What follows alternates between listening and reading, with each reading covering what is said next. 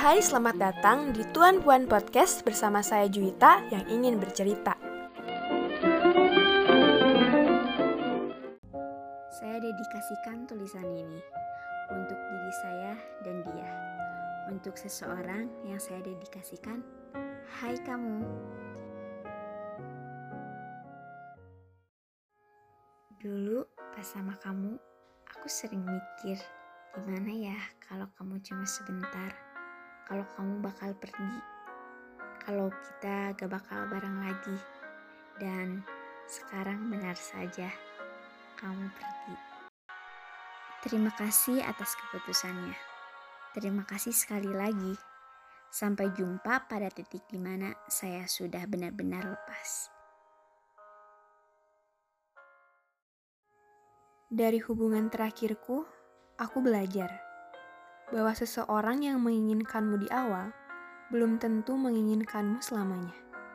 Ternyata mengenalkanmu kepada keluargaku tidak menjamin kamu serius kepadaku. But, terima kasih sudah menjadi bagian dari proses pendewasaan. Memang, rencana Tuhan sungguh luar biasa. Banyak sekali yang aku alami setelah kamu memilih untuk pergi.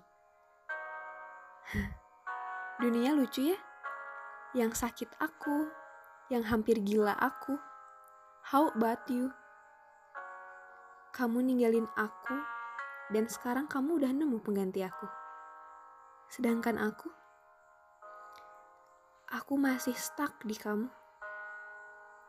Padahal banyak orang baru yang berusaha buat ngedeketin aku dan mau gantiin posisi kamu.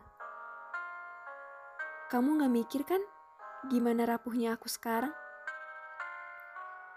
Tapi faktanya, kamu paham bahwa aku terluka. Tapi kamu tetap saja diam, seolah tidak terjadi apa-apa. Kamu terlalu mementingkan egomu sampai kamu lupa bahwa ada seorang perempuan yang mengutamakanmu. Tapi masih saja, kamu sebut dia itu tidak menghargaimu. Karena menurutmu, dia selalu mengganggumu setiap kesibukanmu. Lantas, wanita seperti apa yang kamu inginkan? Terima kasih sudah hadir. Meski akhirnya harus berakhir. Mencintaimu, aku masih. Melupakanmu, sedang kuusahakan. Bahagia ya? Meski aku inginnya kita berbahagia bersama, tapi keadaan mengharuskan kita berada di jalan yang berbeda. Setelah ini, tidak ada lagi sakit hati mendengar kamu bersama perempuan mana pun seperti yang aku takutkan dulu. Tulusku cukup sampai di sini.